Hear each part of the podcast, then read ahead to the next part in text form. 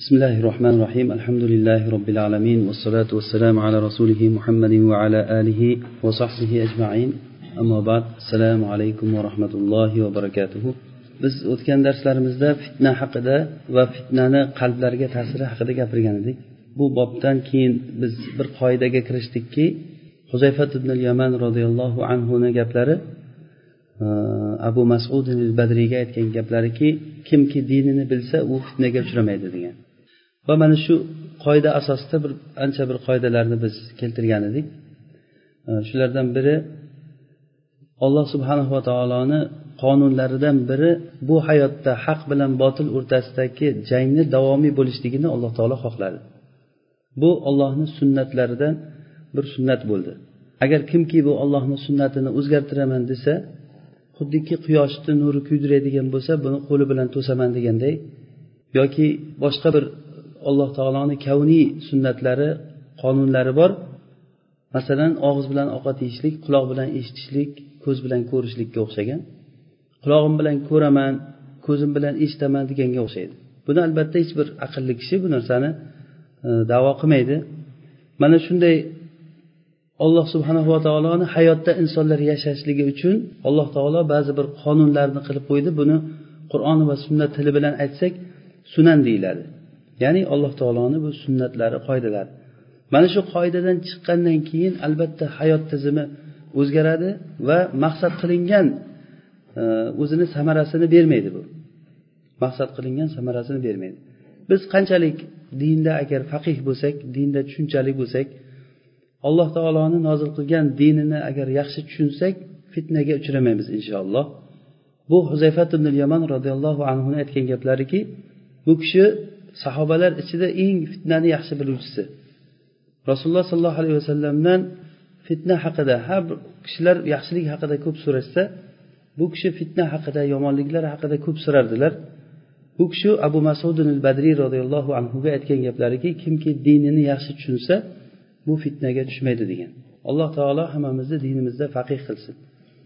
Bizdan talab qilingan narsa bu imtihondan yaxshi o'tishlik va aytib o'tdikki huzayfat ibn yamon roziyallohu anhu hadisidan rasululloh sollallohu alayhi vasallam aytdilarki fitnalar qalblarga xuddi bo'yraga cho'plari kelib turib qo'shilganday qalblarga yog'ilib kelaveradi.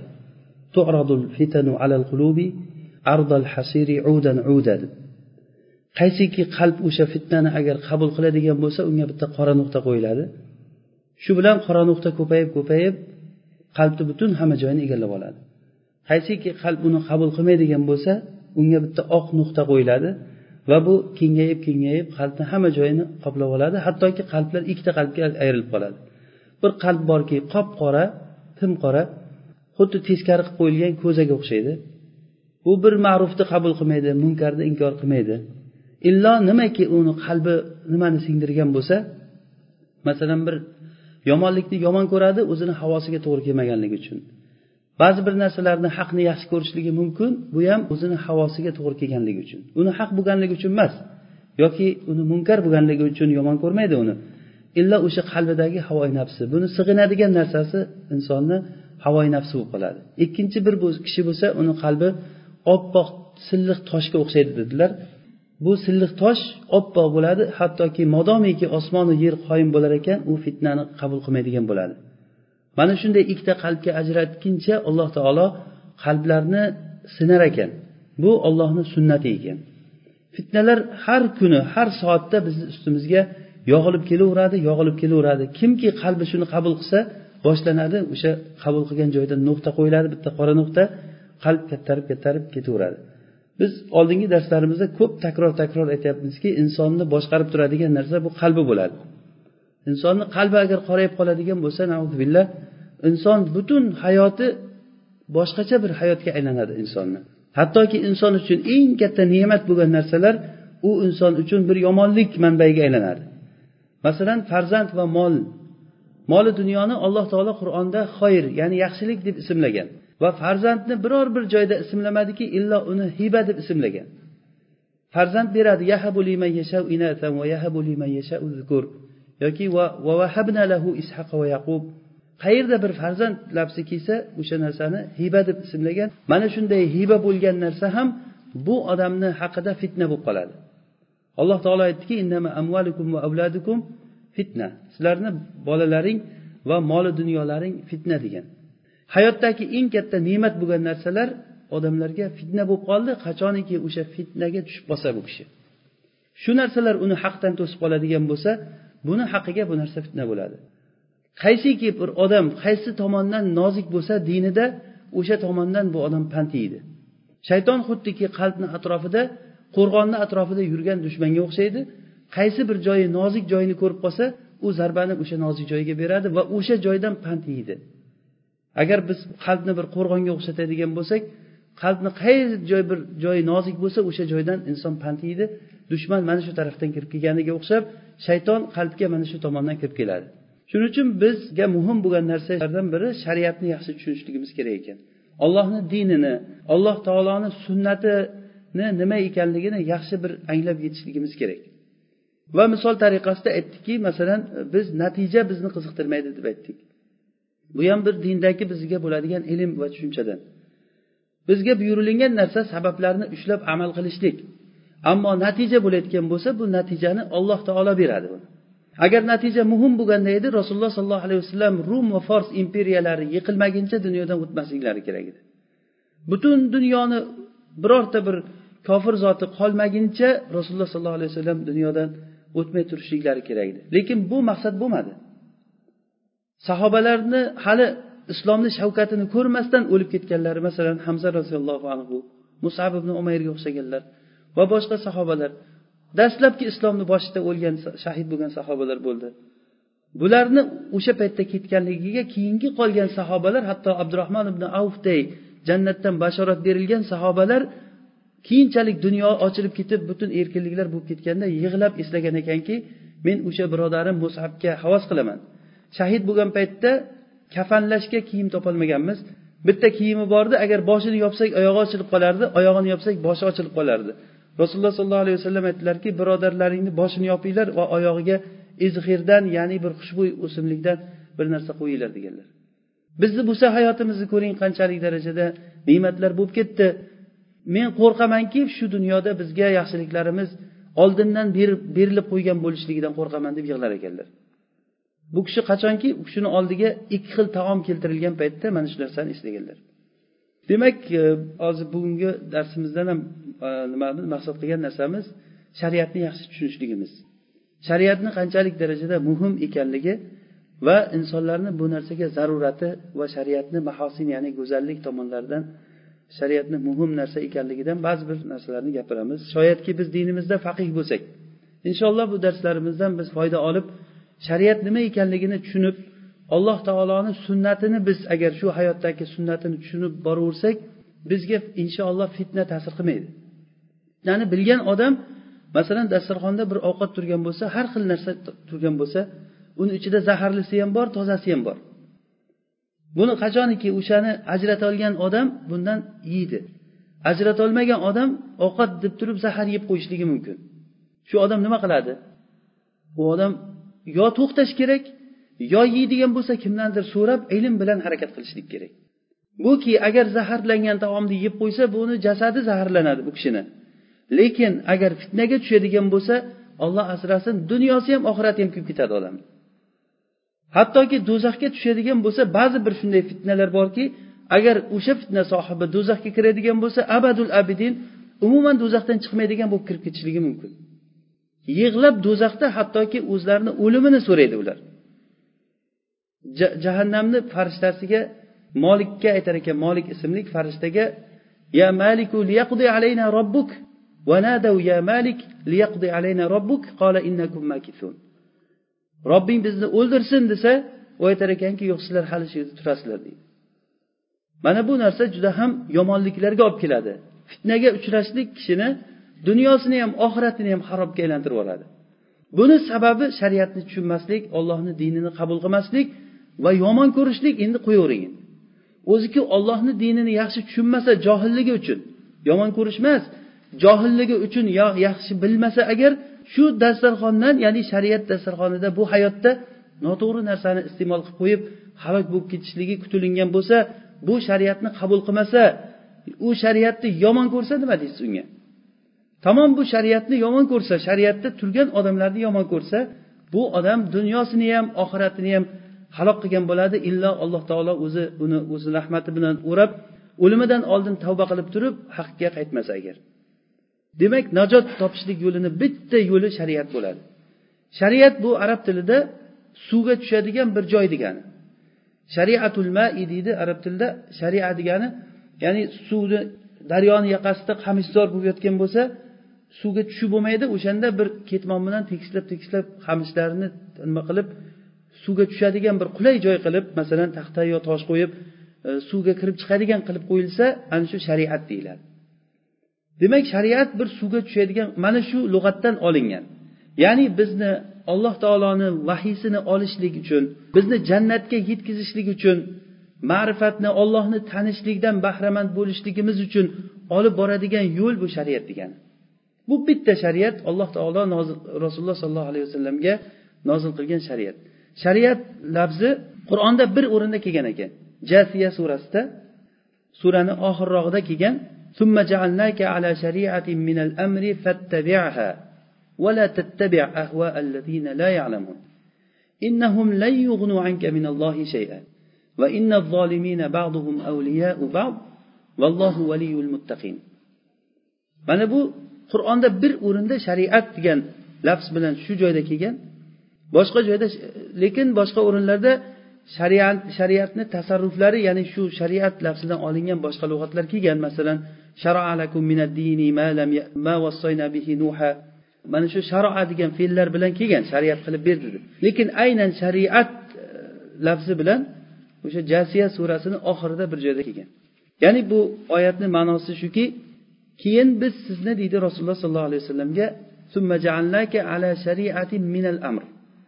ollohni amridan buyrug'idan ya'ni bu taklif deyiladi. Mana shundan biz sizni bir shariat ustida qildik. Fattabiha mana shu shariatga ergashing dedi.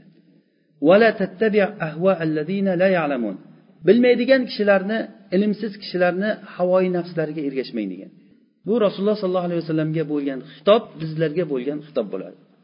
Alloh taolo aytyaptiki sizni bir shariat ustida qildik deganligi ala kalimasi arab tilida ala bir narsani ustida degan ma'no. Ya'ni o'sha joyda mustahkam o'rnashib olishlik ma'nosida keladi.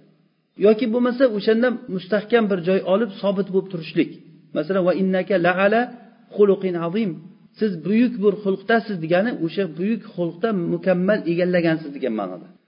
Siz mana shunday shariatni ustida mahkam turadigan qilib qo'ydi alloh taolo. Jaala kalimasi alloh taoloni qilib qo'yishligidan ya'ni kavniy alloh taoloni fe'lidan bu ollohni qilishligi bilan ollohni irodasi bilan mana shu shariat ustida bo'ldingiz siz shu shariatga ergashing bilmaydigan kishilarni havoyi nafsiga ergashmang degan. Demak shariatni muqobilida buni teskari bu tarafida alloh taolo shariat va havo nafs deyapti havoyi nafs ham kimniki? Ahva alladina la ya'lamun. Innahum la yughnu. Ya'ni ular bilmaydigan odamlarni havoyi nafslari. Ular sizni alloh taolo tarafidan hech bir narsadan behojat qilolmaydi. Agar ollohdan bir musibat kelayotgan bo'lsa ular qaytarib qololmaydi. Ollohdan bir rahmat kelayotgan bo'lsa ular uni qaytarib qololmaydi. Alloh taolo shariatini rahmat deb ismlagan. Qur'onda aytadiki fi rahmatihi. Alloh taolo o'zi xohlagan kishisini rahmatiga kirgizadi degan. Ya'ni bu rahmat shariatni alloh taolo rahmat degan. Buni agar biz rahmatligini bitta bitta olib ko'radigan bo'lsak shariatni har bir masalani olib ko'rsangiz haqiqatdan o'zingiz buni guvohi bo'lasizki alloh taolo shu shariatni rahmat uchun tushirganligini. Har bir masalada inson tozaligidan boshlang tirnoq olishligiyu o'zi inson liboslarni toza qilishligi tahorat qilishligi namoz o'qishligi ro'za tutishligi zakot berishligi va hokazo va hokazo ibodatlar bularni hammasini bitta bitta agar o'rganib qarayotgan bo'lsak bu yuz foiz faqat rahmatdan iborat narsa bo'ladi. Insonlar johilligidan bilmasligidan mana shunday bo'lgan ne'matni ular olmasdan turib shunday oyoq osti qilib turib tashlab yubordilar. Bu agar ta'bir joiz bo'lsa o'xshatish. Bizni bir hayotimizda masalan manzilga yetib borishlik jannatga olib boradigan yo'l bitta yo'l bo'layotgan bo'lsa mana shu yo'ldan bizni olib boradigan narsa masalan bir moshinaga minib borganga o'xshaymiz. Toatlar alloh taoloni toatlari bir moshinaga o'xshaydi. Shu moshinga qanchalik darajada uni a'zolari ya'ni juzlari agar komil bo'lsa shunchalik darajada u komillashib boraveradi. Ba'zi bir uni detallari borki moshinani o'sha bo'lmasa yurmaydi. Bu amallardan shunday bir narsalar borki o'sha bo'lmasa men shariatdaman men musulmonman deb davo qilganingiz bilan joyida sakrab turgan odamga o'xshaydi oldinga qarab yurmayotganga o'xshaydi. U hali ulovga minmagan u odam.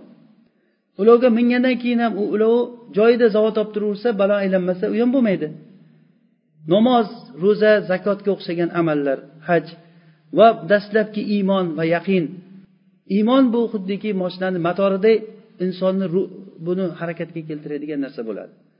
Bu narsalar qanchalik komil bo'lmasa ba'zi bir detallari borki bitta arzimas bir narsa bo'lsa ham o'sha bo'lmasa shu yurmay turaveradi. O'zini samarasini bermaydi. Va u bo'lgandan keyin inson bir komil o'zida bir komil amallarni tashkil qilib mukammal bir inson bo'lgandan keyin harakatni oldinga qarab bismillah deb harakatni boshlab yuborgandan keyin unda yo'l harakati qoidalariga o'xshagan alloh taolo qo'yib qo'ygan ba'zi bir qoidalar bor. Agar o'shalarga rioya qilmaydigan bo'lsa ba'zi bir joyda tezlikni oshirma degan joyda tezlikni oshirib yuborsa bir halokatga uchrashligi yoki e, chorrahaga kelgan paytda qizildan o'tib ketib qolsa nariyoqdan kelganga urilganga o'xshab birovlarni haqqiga tajovuz qilishlik alloh taolo mana shu narsalarda qoidalar qo'yib qo'ygan. Masalan nikoh qoidalari nikohdagi idda masalalari taloq masalalari bularni har birida agar shariatda turmaydigan bo'lsak albatta siz o'zingizga ham o'zgaga ham albatta zulm qilmay ilojingiz yo'q. O'sha uchun ham shariatga amal qilmagan kishilarni alloh taolo zolimlar degan. Shariatga amal qilmagan kishilarni alloh taolo fosiqlar deb atagan. Nima uchun? Chunki u iloji yo'q zulm qilmay iloji yo'q. Avvalambor o'ziga zulm qiladi. Chunki alloh taoloni sunnati mana shu narsani xohladiki bitta yo'l bor o'sha yo'l yetkazadigan narsa bu shariat bo'ladi. Bu shariatda alloh taolo ba'zi narsalarni belgilab berdi. Agar bundan ozroq miqdorda yo o'ngga yo chapga chiqadigan bo'lsangiz bo'lmaydi to'xtaydigan bo'lsangiz ham bo'lmaydi orqangizdan kelib uradi. Mana shu yo'lda davom etishingiz kerak bo'ladi. Shu mana shunday o'xshatishlik agar joiz bo'lsa inson shunday bir alloh taolo sunnati bilan yaratdiki insonni uni bir shariatga qo'yib qo'ydi va unga belgilab berdi. Buni shariatni nimasi bilan aytsak agar istiloh bilan uni ustiga inson ustiga hukmlarni alloh taolo ba'zi bir vazifalarni inson ustiga yukladi. Bu yuklangan vazifalar ikki xil bo'ldi. Ahkamu taklifiya deydi xuddiki insonni yelkasiga tushgan bir vazifalar bo'ldi bu. Va ikkinchisi ahkamul vadiya deydi yo'lga qo'yilgan yo'l belgilariga o'xshaydi. Ikkalasiga ham rioya qilmay iloj yo'q. Modomiki siz shu oxirat safarini boshlar ekansiz mana shu shariat yo'lidan ketmay ilojingiz bo'lmaydi. Agar boshqa yo'lga ketsangiz tamom halokat bo'lasiz. Quruq davo bilan hech ish bitmaydi. Hamma odam men haqdaman men to'g'riman deb davo qilaveradi. Lekin kimki alloh taolo belgilab bergan yo'lda yursa mana shu odam najot topuvchi kishi bo'ladi. Demak shariat bu dunyoyu oxiratda rahmat bo'ladi va shariatni yo'q bo'lishligi bo'lsa dunyoyu oxiratni xarob bo'lishligi bo'ladi. Shariatsiz yashagan inson oxiratidan oldin shu dunyoni o'zida bu odam qattiq bir xorlikka uchraydi. Biz bu gaplarni alloh taoloni kitobidan rasulini sunnatidan yig'ilingan bir ma'nolarni yig'indisi bu xuddi qoidaga o'xshagan. Alloh taolo qur'onda aytadiki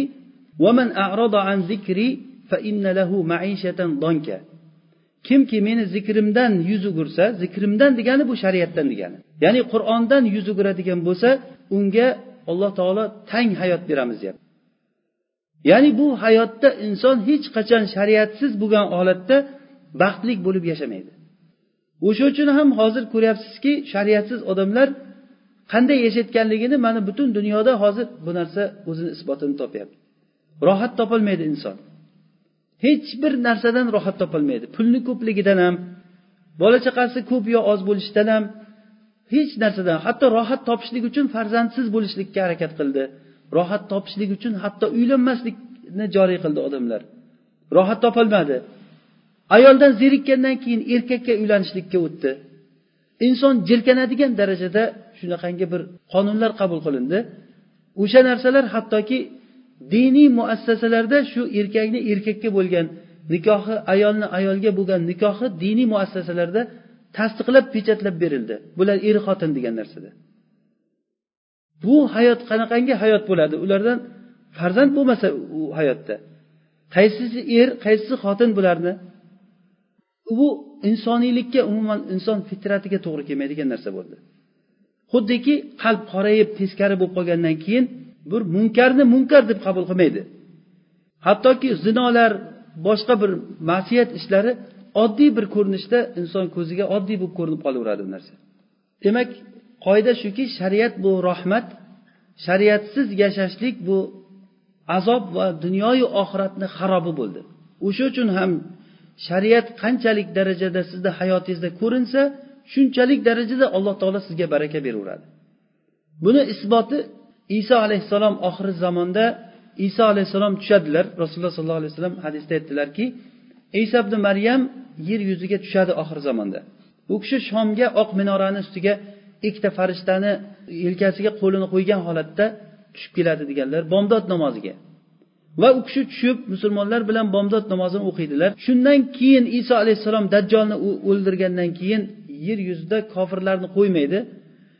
Ikkita din qolmaydi yer yuzida. Faqat bitta din qabul qiladi. U ham islom dini. Boshqa millatlarni qabul qilmaydi jizya olishlik degan narsani qabul qilmaydilar. Solibni ya'ni nasorolar sig'inadigan krestni sindiradilar va cho'chqani o'ldiradilar. Yerda adolatni barpo qiladilar. Mana shundan keyin alloh taolo shunchalik darajada baraka beradiki hattoki bitta anorni nimasidan mevasidan bir jamoat odam o'shandan to'yib ovqatlanadi va o'shani po'stlog'iga bir bir jamoat odam soyalanib o'tiradi. Yer o'zini barakalarini chiqaradi. Hattoki shu darajagacha borar ekanki o'sha ilonlar odamlarni choqmay qo'yar ekan. Vahshiy hayvonlar kiyiklar bilan birga birga yuraverar ekan hech qanday ta'sir qilmaydi. Ham ma'naviy jihatdan omonlik ham moddiy jihatdan omonlik. Odamlar butun to'la to'kis hayotda yashaydi nima uchun shariat qaytib kelganligi uchun. Bu narsani isbotini boshlab rasululloh sollallohu alayhi vasallam ko'rsatib berdilar. Rasululloh sollallohu alayhi vasallamga al yavma akmaltu lakum dinakum oyati nozil bo'lgan kunda din komil o'zini ko'rinishligini ko'rsatgan kun edi mana shu kunda eng insoniylikni bag'ri kenglikni bir biriga bo'lgan muhabbatni er xotinchilik o'rtasidagi muomalalarni uquvatul islom ya'ni islom birodarchiligining eng nihoyiy ko'rinishlari o'sha kunda ko'ringan edi. Va unda o'sha bilan insonlar o'rtasida baraka yog'ildi osmondan. Hattoki shu darajagacha chiqildiki zakotni tashqarida ko'chada odamlar kim zakot oladi deb yurganda uni qabul qiladigan odam chiqmadi. Alloh taolo yerni o'zi yaratgan kunida baraka bilan yaratgan. Bu va unda butun barakalarni yog'dirgan insonlarni fasodi bilan bu narsa kamayib kamayib ketaverdi.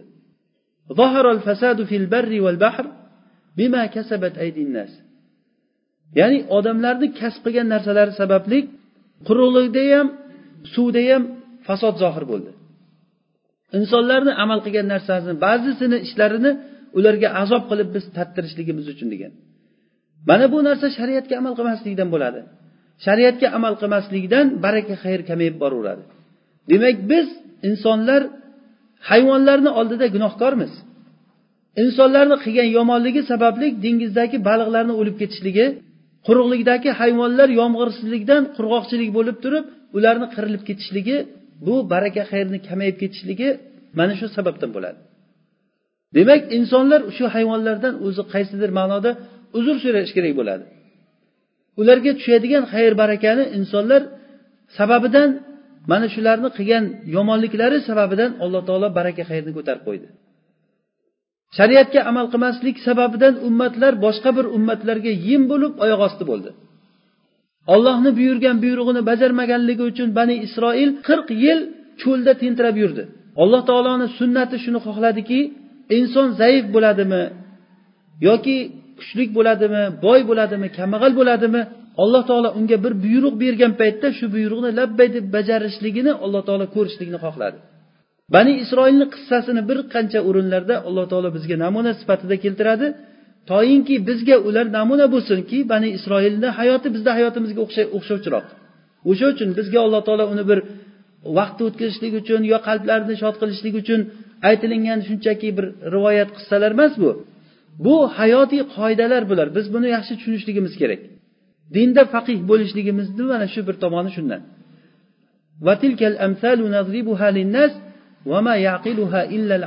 Degan alloh taolo.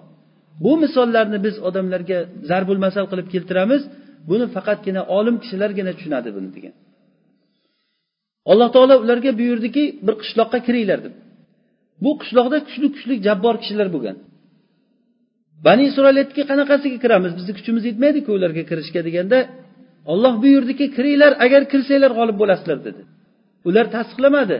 Qanaqasiga kiramiz? U shuncha odam bilan urushib bo'ladimi? Bor ey muso sen robbing bilan bor. Urushgin agar qarab turamiz natija yaxshi bo'lsa qo'shilib ketamiz biz dedi. Qo'shilmaymiz emas. Qo'shilamiz lekin hozir emas dedi. Hozir vaqti emas dedi. Mana shu sababdan ollohni buyrug'iga toat qilmaganliklari uchun ular bani isroil yerda qirq yil tentirab shaharlarga kirolmasdan cho'llarda tentirab yurishlikni alloh taolo ularga taqdir qildi. Sababi ollohni buyrug'ini qilmaganliklari uchun.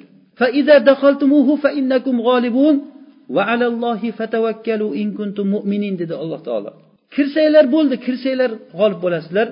Ollohga tavakkal qilinglar agar sizlar mo'min bo'layotgan bo'lsanglar. Tavakkal qilinglar deganda ular qanaqasiga qilamiz buni? U shuncha katta odamlar bo'lsa shuncha kuchli bo'lsa bizni kuchimiz yo'q bunga. Vaholanki ular aql ishlatmadiki ko'zlarini oldida shuncha kuchli fir'avnni alloh taolo suvga g'arq qildiku ko'zini oldida.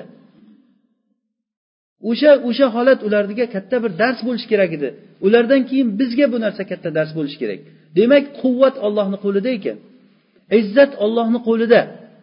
Alloh taolo sizni aziz qilaman desa yer yuzidagi odamlar jamlansa ham sizni xor qilolmaydi mana bu bizni shariatni tushunishligimizni bitta nimasi shuki biz qanchalik darajada shariatga amal qilsak shunchalik darajada bizda yuksalishlik ko'tarilishlik bo'ladi. Qanchalik darajada shariatni zoyi qildik o'shanchalik darajada biz xorlikka baraka xayrni yo'qligiga olib kelinaveradi bu narsa. Bu alloh taoloni sunnati mana shu narsani xohlagan ekan. Agar olloh xohlasa hamma insonlarni bir toifa qilib qo'yishligi mumkin edi. Degan alloh taolo. Agar olloh xohlasa sizlarni hammalaringni hidoyatlab qo'yadi. Lekin olloh buni xohlamadi. Alloh taolo bu narsani xohlamadi sunnatiki hamma odamlar bir holatda musulmon bo'lishligini. Ollohni sunnati bu hayot mana shunaqangi pasti balanddan iborat bo'lishligini va bu joyda ollohga toat zohir bo'lishligini ko'rishlikni xohladi alloh taolo. Mana shu bilan siz zaif bo'lgan holatingizda alloh taolo tur deb buyruq berganda men charchaganman deydigan holatda bo'lsangiz mana shunda imtihondan yiqilgan holatda bo'lasiz. Ko'p qissalarni keltirdi. Alloh taolo hammasi mana shu atrofda aylanadi. Mana ibrohim alayhissalomni katta bizga bir namuna qilgan. Ibrohim alayhissalom qarigan holatda topgan farzandi ismoilni birinchi borib turib xotini bilan birga cho'l joyga hech bir ekin yo'q soya yo'q odamzod yo'q bir musofirlar ham o'tmaydigan joyga tashlab kelishlikni alloh taolo buyurdi. Ey robbim meni boshqa narsa bilan imtihon qilgin nima desang qilaman. Faqat shu farzandimni tashlab kelmay bittagina farzandim bo'lsa o'zi dedimi ibrohim alayhissalom? Yo'q. Hech bir ikkilanmasdan xotini bilan olib borib turib shunday o'sha hozirgi kabani oldiga qo'yib oldiga bitta xumda suvni qo'yib orqasiga qaramay ketaverdilar. Hojar orqasidan yugurib turib bizni kimga tashlab ketyapsiz? Nimaga bunday qilyapsiz? Nima qilamiz biza bu yerda? deganda indamay gapirmay ketavergan. Ikkinchi uchinchi marta aytganda olloh buyurdimi shuni? deganda olloh buyurdi degan. Bo'ldi olloh buyurgan bo'lsa bizni zoyi ketkazmaydi dedi u kishi. Tamom mana shu gaplari qarang olloh zoyi ketkazmaydi ayol kishini fahmini qarang. Olloh buyurdimi olloh zoyi ketkazmaydi ajibki biz hozir musulmonlar bir milliard uch yuz milliondan ziyod musulmon mana shu qoidani tushunmaymiz biz. Olloh bir buyruqni buyurdimi agar siz unga itoat qilsangiz hech qachon xorlikka uchramaysiz. Biz sizga qur'onni baxtsiz bo'lishligingiz uchun tushirgan emasmiz. Biz johillik bilan noto'g'ri tushunchalarni oldikki agar shariatga amal qilsak xor bo'lamiz degan tushunchani oldik. Bu teskari tushuncha bu narsa. Shariatga amal qilsak xorlik bo'ladi emas qilmasak xorlik bo'ladi emas aksincha shariatga qachon amal qilmasak shunda xorlik bo'ladi. Degan.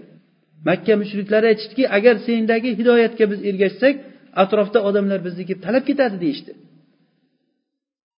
Mana bu tushuncha hozirgacha davom etib kelyapti odamlarda. Hojar onamizni mana shu bir og'iz aytgan gaplari olloh zoyi ketkazmaydi deganday zoyi ketkazdimi alloh taolo? U kishi suv izlab safo marvani o'rtasida yetti marta yugurganliklari qiyomat kunigacha butun bashariyatga bu narsa vojib bo'ldiki safo bilan marvani o'rtasida yugurishlik. Bu ollohni toatini eslatadi bizga. Ibrohim alayhissalom o'sha yerda tashlab ketdilar. Keyin undan keyin baraka bo'lib turib zamzam suvi chiqdi. Bu zamzam suvi qiyomat kunigacha odamlarga bir baraka keltiradigan suv bo'ldi. Bu suv ollohga bo'lgan toatdan keyin bo'layotgan baraka bu. Demak ollohni sunnati ollohga toat qilinsa o'sha ish albatta bir barakali ish bo'ladi. Biz boshqa bir narsalardan mashg'ul bo'lib qoldik.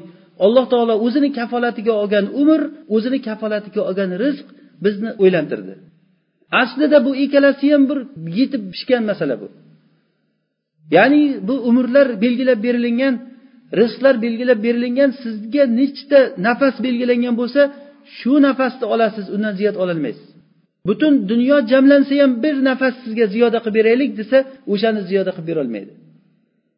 Bu hozirgi tibbiyotni rivojlangan paytida butun apparatlarni hamma jihozlarni olib kelib sizga o'rnatib qo'ysa ham ular faqat sizni yuragingizni to'xtaganligini aytib berishligi mumkin. O'sha apparatda yuragingiz to'xtaganligini ko'rsatib bera olishligi mumkin lekin uni harakatga keltira olmaydi. Vallohu yuhyi va yumit olloh o'ldiradi olloh tiriltiradi. Hayotni beruvchi olloh hayotni oluvchi olloh bo'ladi. Mana shu tushunchani bilmaganligimizdan biz shariatni tushunmaganligimizdan mezon tarozi noto'g'ri joyga qo'yiladi keyin. Qiladigan harakatlarimiz boshqa bir tomonga qarab yo'naltiriladi va buni orqasidan ko'p ko'p biz fitnalarga uchrab qolishligimiz kutilinyapti bundan. Shariatga amal qilsak agar noto'g'ri narsaga uchraymiz deb shariatga amal qilmadik. Qaradik shariatga amal qilgan odamlarga fitna kelayotgan ularga musibat kelayotganligini ko'rib demak amal qilmasligim kerak ekan deb tushundik. Amal qilmay bir birimizga vasiyat qildik shu narsani. Sen ham amal qilmagin. Ko'rding ana amal qilgan odamlar nima bo'ldi? Amal qilmasin deb turib amal qilmaslikka olib keldi. Bu narsa o'zini samarasini turib turib o'zini samarasini beradiki o'sha shariatga amal qilmagan farzandlari tomonidan unga keladigan musibatlar shariatga amal qilinmaslikdan hayotdan er xotin o'rtasidagi bo'layotgan muomalalar hali bu bu hayotdagisi bu. Qochgani joy topolmaydi inson. Hattoki qochgani joy topolmaganligidan borib turib uzun haligi yevropada qaysi bir joyda baland bir ko'prik bor ekan shu ko'prikni ustidan tashlab yuborishlik hozir moda bo'lgan. Gala boylarni bolalari borib o'zini tashlab yuboryapti o'sha yerdan oxiri milisa qo'yib qo'yganki o'sha yerga tashlamasin deb qo'riqlab turibdi odamlar. O'zini tashlab halok qilyapti odamlar. Nimaga? Hayotdan to'ygan. Hayotdan to'ygan hech bir lazzat yo'q hayotda. Hayotni lazzati toyibotlari bular hammasi alloh taologa toatdan keyin kelib chiqadi. Agar allohga toat bo'lmasa bu bizni ko'zimizga shirin bo'lib ko'rinadi lekin bu asli ichida azob bo'ladi u narsani. Ularni mollari ularning bola chaqasi sizni ajablantirmasin. Alloh taolo mana shu narsalar bilan ularni azoblamoqchi. Ularni moli dunyosi ularga azob ularni farzandlari ularga azob. Bu ollohni qoidasi bu narsa. vaholanki tashqaridan qaragan odamga u narsa katta ne'mat bo'lib ko'rinadi lekin bu ne'mat emas bu narsa buni robbil alamin aytyaptiki bu ular uchun azob bu narsa deyapti shariatga amal qilmaslik shariatdan yuz o'girishlik bu azob bo'ladi وإن المجرمين في عذاب جهنم خالدون لا يفتر عنهم وهم فيه مبلسون وما ظلمناهم ولكن ظلموا أنفسهم ya'ni mujrimlar jahannamda ular doim holatda jahannamda bo'ladi. Jahannamda bo'ladi. Vahum fihi mublisun degani mublis degani bu noumidlik cho'qqiga chiqqan odam degani. Ya'ni nojot topishlikdan hech umid uzilgan odam degani. Ollohni rahmatidan tamomiy umid uzilgan bu azob ustiga yana azobni beradi. Agarda azobdan chiqib ketishlikda ozroq bo'lsa ham bir umidi bo'lsa ekan ham ular bir ozroq kuysak ham sabr qilaylik. Alloh taolo bir kuni kelib turib bizni kechirar degan umid bo'lsa azob yengillashadi qaysi ma'noda. Lekin sizlar bu yerda mangu qolasizlar davom qolasizlar degan gapdan keyin ular vahum fihi mublisun ular o'sha joyda noumid bo'lib turib doim azobda qoldi. Shu paytda ular farishtaga qarab turib ey molik robbingga aytgin bizni o'ldirsin desa qola innakum makisun sizlar shu yerda turasizlar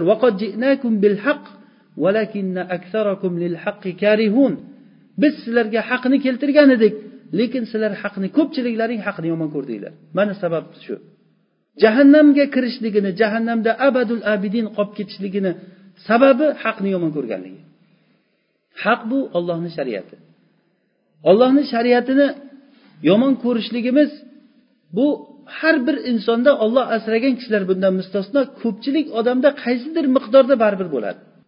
Ana o'sha joydan siz pand yeysiz. Sizni nozik nuqtangiz o'sha joy bo'ladi. Ollohni shariatiga agar yuz foiz agar shariatga to'liq kirmasangiz udhulu fissilmi kaffatan deganday ollohni shariatiga agar yuz foiz to'liq bo'ysunmasa odam o'sha nozik joyidan odam pand yeydi. Jahannam ashoblarini ularni aybi ularni ularni kamchiligi qilgan ularni gunohi nima edi?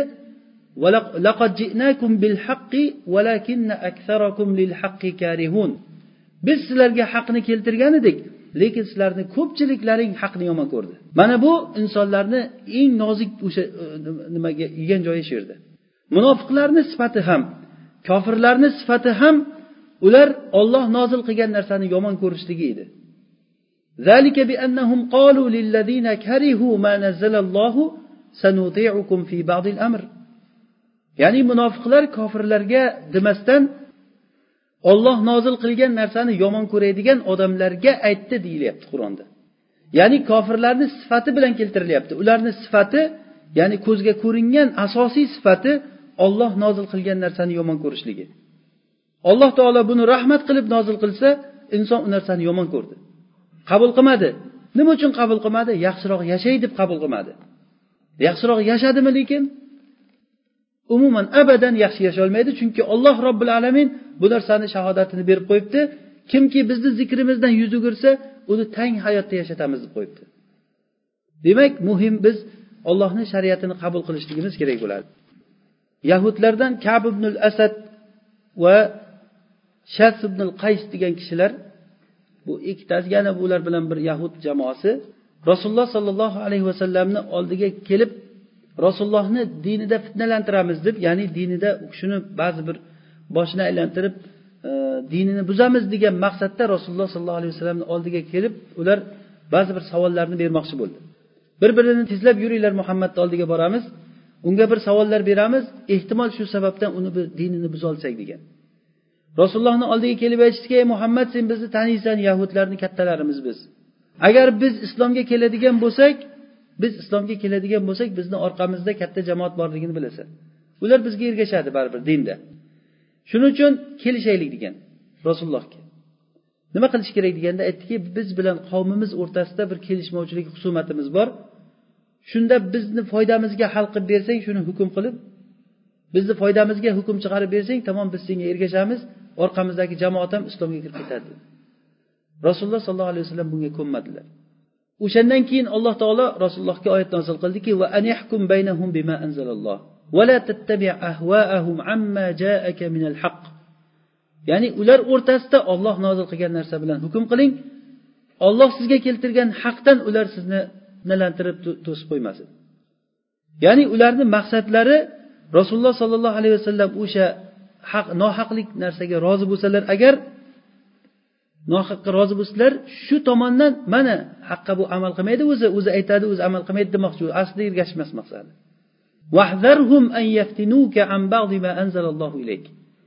Olloh sizga nozil qilgan narsadan sizni fitnalantirishlikdan ular ehtiyot bo'ling dedi alloh taolo. Bu bizni hayotimizda hozir qonun bu narsa. Har tomondan sizga shaytonlar kelib inson va jindan bo'lgan shaytonlar sizga kelib vasvas qiladi. Mana shu nohaq narsani olib tursang uni orqasida katta bir haq ro'yobga chiqib ketadi deydi. Bu narsa bitta fardiy jihatdan kattarib kattarib katta jamoat va manhaj bu katta bir e, suratlarga kirgan narsa bo'lib qoldi. Mana hozir qancha dunyoda bo'layotgan voqealarni kuzating mana shu qoida ustiga qurilgan. Shunday kelib sizni oldingizga qo'yiladiki mana shu bitta nohaq narsani gapirishingiz kerak shu nohaq narsani orqasida haq turibdi deydi. Ya'ni xuddi rasulullohga yahudlarni aytgan gaplari. Bizni o'rtamizda nohaq hukm chiqarib bergin o'shanda biz iymonga keltir iymon keltiramiz bizni orqamizdan jamoatlar iymon keltiradi degan. Bunaqangi nohaq bilan iymon keltirayotgan iymonni keragi yo'q uni. U odam iymon keltirmaydi balki u sizni fitnalantirishlik uchun kelgan u.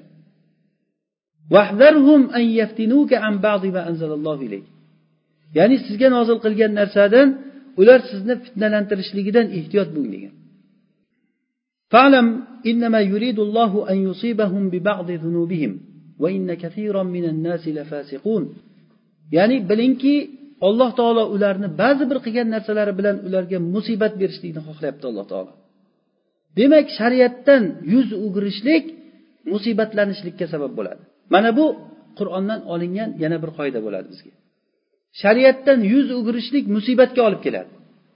Bu mana shu oyatdan olinadigan foyda bo'ladi. Fa'lam annama yuridullohu an yusibahum bi bagdizunubihim. ularni ba'zi gunohlari bilan alloh taolo ularni musibatlashlikni alloh taolo xohlayapti. Demak insonlarga keladigan musibat ularni haqqa amal qilmasligidan bo'ldi. Odamlar bu haqni nohaqni ko'ra bila turib masalan dunyoni yomonligini hamma bila turib o'sha narsaga o'zlarini urdilar. Dunyoni yaxshi ko'rishlik bularni qalbini mahkam egallab olganligidan ko'ra bila oldimizdan dunyoga talashib odamlar halok bo'lib ketyapti boshqa odamlarga dunyo qolib ketyapti. O'shani ko'rib turib ham yana bizni ko'zimiz ochilmadi. Uch kishi oldingi ummatlardan uchtasi safarga chiqib bir tilla topib olgan ekan katta bir xazina. Keyin xazina topib olib turib bittasini shaharga ovqat olib kelishlikka yuborgan. Ovqatga ketgandan keyin bu ikkalasi qolib turib bir biri bilan maslahat qilganki nima qilamiz buni? Uchga bo'lib ikkiga bo'laylik. U kelgandan keyin uni shartta o'ldiraylik ikkovimizga qoladi u degan. Bo'pti deb ikkovsi tilni bir bir joyga qo'yib kutib turgan uni kelishligini. U ovqat olib kelgan u sherigi u ham o'zicha nariyoqqa borganda o'ylaganki nima qilaman? Ular bilan uchga bo'lib hammasini o'zim olay deganda ovqatni zaharlab olib kelgan ekan. Ovqatni olib kelgandan keyin kelganda uni ushlab buni o'ldirgan ikkalasida keyin ovqatni yeganda ikkovsi ham o'lgan. Tilla o'sha joyda qolgan. Bu dunyo misoli xuddi hozirgi mana shu misoldagidek bir biri bilan talashadi talashadi tortishadidan keyin valillahi samavati val ard. Osmonlar va yerni merosi alloh taoloniki. Baribir hamma narsa mulk ollohniki qolib qolib ketyapti. Odamlar olib kelib haligi o'zini zaharlab o'ldirayotgan narsani o'g'irlab kelib turib o'shani yeyapti. Bola chaqasiga o'sha narsani yediryapti semirsin deb. Maqsad shu bo'lib qolgan. Mana shu ko'ryapsizmi bu oddiy bir qoida bu narsa. Shu narsani ziyon ekanligini tushunmay orqasidan tabib baqirib qolyaptiki olib ketayotgan narsang zahar balangga berma deb aytyapti uni ulamolar. U quloq solmasdan olib borib yediryapti qonim to'ysam bo'ldi deydi. Mana shu bilan o'zi ham zaharlanyapti. Uni yegan farzandlari zaharlanib turib o'shani kuchi bilan o'zini ko'chaga chiqarib haydayapti otani. Mana qoida qonun teskariga aylanganligi. Rasululloh sollallohu alayhi vasallam aytdilarki men bilan sizlarni misollaring xuddiki bir olov yoqqan kishini misoliga o'xshaydi deganlar. Olov yoqqan kishi ya'ni olov yoqdida olov yonib bo'lgandan keyin haligi atrofdan olovga o'zini tashlaydigan kapalaklar kelib turib o'zlarini urib haligi olovga kirib ketaverdi. Haligi kishi kapalaklarni qaytaraman deb turib ursa ular qaysi birini qaytara olmayapti qaytgani qaytib qolyapti qaytmagani kelib turib olovga tushib ketyapti. Sizlarni misollaring xuddi shunga o'xshaydi degan. Rasululloh sollallohu alayhi vasallam bu olovni yoqqan kishi ya'ni nur keltirdilar. Bu nurdan foydalanish uchun isinishlik uchun va yorug'lik berishlik uchun edi bu narsa. Ya'ni bu shariatni misoli bu. Shariat odamlarni hayotda to'g'ri yurishlik uchun va oxiratda tagidan anhorlar oqadigan mangu qoladigan jannatga kirgizishlik uchun o'zi bu narsa. Shunday shariat kelgan paytda odamlar o'zini olovga urganday kirib ketaverdi. Rasululloh sollallohu alayhi vasallam ularni belidan ushlab turib voy kirmanglar desa qo'y qoch men kiraman deb turib o'sha uni qo'lidan qochib chiqib ketib kirib ketganlar bo'ldi. Odamlar bilan shariatni misoli xuddi shunga o'xshaydi. Alloh taolo e, rasululloh sollallohu alayhi vasallam odamlarni qancha ogohlantirib hay do'zaxga tushasizlar qaytinglar bu narsadan deb qancha aytsalar ham odamlar o'sha narsaga o'zini urib kirib ketaverdi. Ribo yegan odam ribo yegan odam alloh taolo uni la'natlagan. Rasululloh sollallohu alayhi vasallam uni la'natlagan. Ribo yegan odamga ribo yegan odam ollohga qarshi urush e'lon qilgan bu kishi.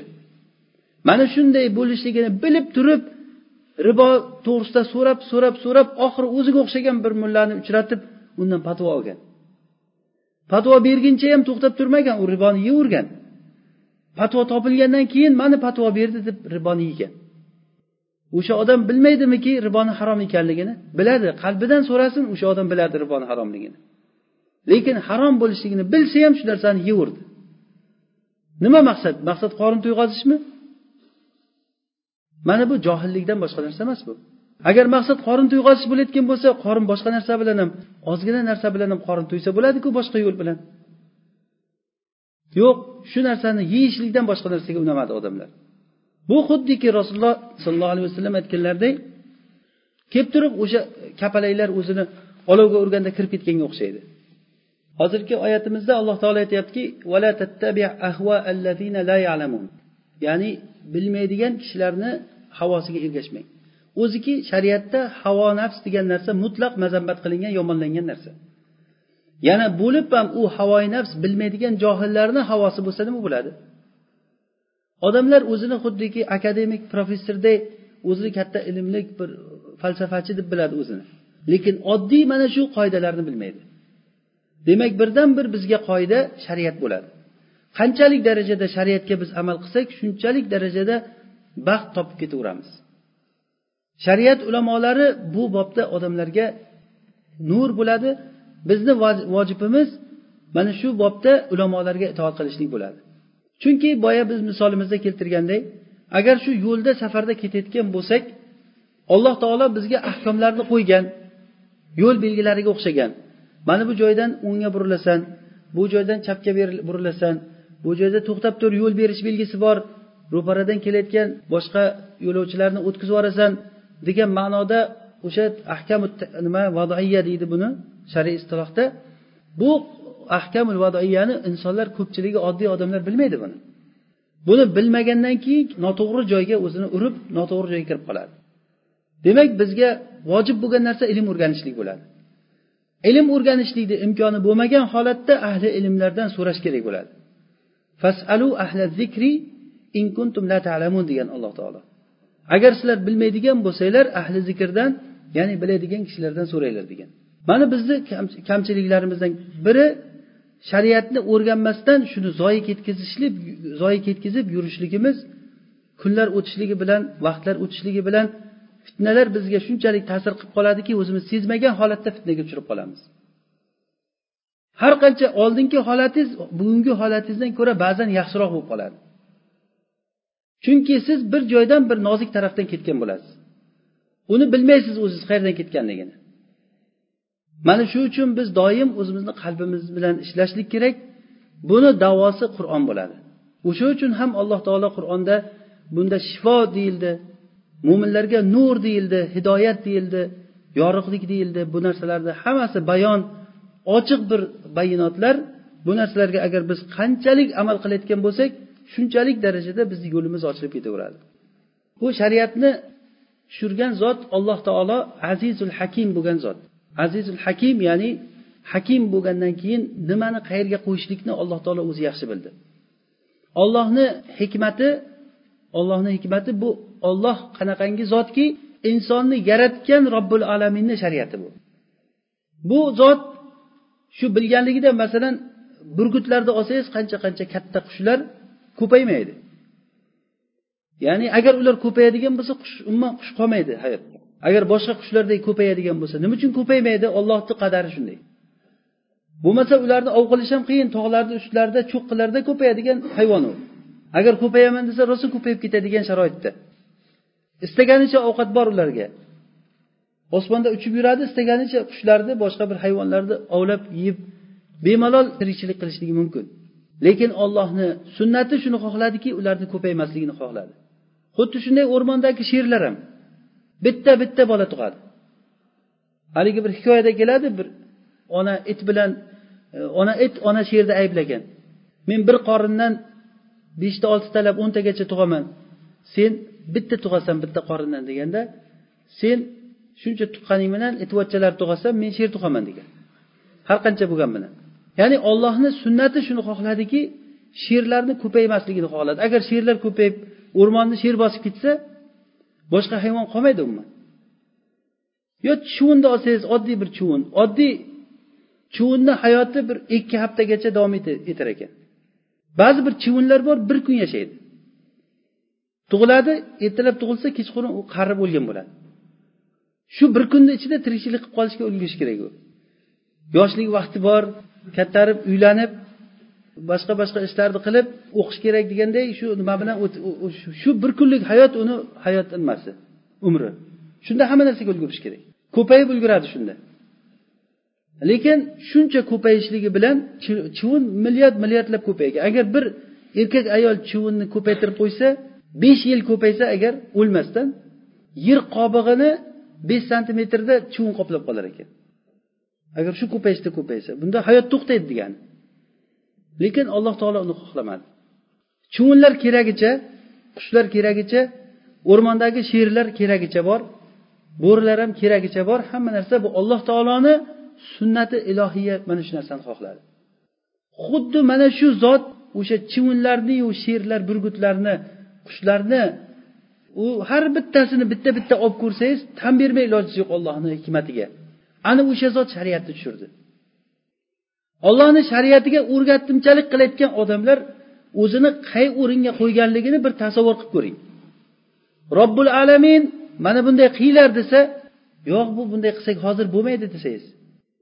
Yo'q bu noto'g'ri bu desa bu. Bu nima qilyapti bu odam? Bu ollohga ollohni ishini ko'rib chiqyapti bu odam. Mana usi to'g'ri olamiz mana usi noto'g'ri olmaymiz deb turib ko'rib chiqyapti. Yo bo'lmasa bilkulli olib tashlab yuboryapti olloh shariatini. Misrda nima bo'lgandan qo'zg'olon bo'lgandan keyin shariatni qilamizmi yo'qmi deb ovoz bergan paytda o'n ikki million odam shariatni xohlamaymiz deb qo'l qo'yib berdi. o'n ikki million odam shariat kerak emas bizga deb qo'l qo'yib berdi. Bu nima degan gap bu? Nahot bu insonlar o'sha odamlar arab odamlar qur'onni sunnani eshitsa tushunadigan odamlar. Lekin o'zlari nima deyayotganligini o'zlari bilmaydi ular. Ollohni shariati hozir bo'lmaydi bu narsa bizga. Yoki ba'zi bir holatlarda televizorlarda ko'rib qolasizki har xil o'sha ayollar chiqib turib ollohni shariatini buni qilamizmi yo buni qilmaymizmi hozir bo'ladimi bo'lmaymi deb turib o'sha narsani bahs qilgan holatlarni ko'rdik. Juda ham bir qiziq narsa bu. Vaholanki bu shariat robbil alamin azizul hakim bo'lgan zotdan tushgan narsa bu. Odamlarga rahmat bo'lib tushgan narsa. Mana shu narsani bizni vazifamiz samina va atona deb turib eshitdik itoat qildik deb shu narsani mahkam ushlashlik bo'ladi. Birinchi vazifamiz bu narsaga ishonishligimiz kerak. Ollohni xabariga ishonmasdan bo'lmaydi. Shuning uchun ham bu narsani liqavmi yuqinun deb aytgan. Hozirgi jasiya surasida boshida bu biz qur'onni nozil qildik liqavmi yuqinun degan. Ya'ni ishonadigan qavmga. Birinchi o'rinda bizni vazifamiz yaqin ya'ni shakni qabul qilmaydigan ishonch bilan birinchi o'rinda ishonishligimiz kerak. Xuddiki bani isroilga alloh taolo aytdiki mana bu qishloqqa kiringlar kirsanglar g'olib bo'lasizlar deganda ishonmadiku ular. Ishonganda nima bo'laydi? Kirsa g'olib bo'laydi. Kirsa qochib ketadi haligilar hammasi. Yo'q ularni shakli bularni qo'rqitdi. Biz birinchi o'rinda mana shu yaqin ollohni xabariga ishonishligimiz kerak. Agar shariatni ushlasanglar baxtli bo'lasizlar deyaptimi ishoning shu gapga. Quruq aytib qo'yishlik bilan ish bitmaydi. To'g'ri bu narsalarda hech xato demaymizku lekin baribir ham endi o'zi bo'lmaydi hozir deb turib yana boshqa gap boshlanadi bu to'g'ri deyiladi birinchi. Lekin bu buyog'i bunday bo'lmaydida deyiladi keyin. Ko'ryapsiz mana shu birinchi bizni vazifamiz nima? Olloh va rasulini xabariga ishoninglar. Haq bu narsalar aytilingan gaplar haq. Olloh g'olib bo'lasizlar dedimi? Sizlar g'olibsizlar. Izzat azizlik ollohni qo'lida dedimi? Shunga ishoning shunga. Azizlik odam sonini ko'pligi bilan emas tuyoq soni bilan emas azizlik. Yoki zo'ravonlik bilan emas azizlik. Ala innal izzata lillahi jamia. Hamma izzat ollohni qo'lida bu. Ishoning mana shu narsaga. Birinchi bizni vazifamiz bu olloh va rasulni xabariga ishonishligimiz kerak. Ikkinchidan malomatchini malomatidan qo'rqmaslik kerak bu narsada. Ollohni shariatiga amal qilishlikda inson va jinlardan bo'lgan shaytonlar odamni oldiga kelib vasvas qiladi. Agar sen shariatga amal qilayotgan bo'lsang sen bilan ahli ayoling o'rtasida kelishmovchilik paydo bo'ladi deydi. Qo'shnilar bilan sen kelisholmay qolasan deydi. Va hokazo va hokazo kattarib kattarib butun yurt senga qarshi bo'ladi deydi. Mana shu narsa sizga vasvas kelavergandan keyin sizni azimatdan qaytarib shariatni tashlashlikka olib kelsa bo'ldi siz pand yedingiz o'sha joyda degan. Tamom yiqildingiz o'sha joyda. Agar shu shu joyda agar orqaga qarab ketdingizmi tamom o'sha bu maqsad qilingan maqsad chiqmaydi. Demak bizni vazifamiz birinchi ishonish kerak alloh va rasulini xabariga. Ikkinchi malomatchini malomatiga e'tibor bermaslik kerak. Uchinchisi qo'lingizdan kelganicha shariatga amal qilishlikka harakat qilish kerak. Ya'ni qo'llaringdan kelgancha ollohdan taqvo qilinglar deyilgan. Alloh taolo bandalarga zulm qilishlikdan ko'ra ulug'roq zot.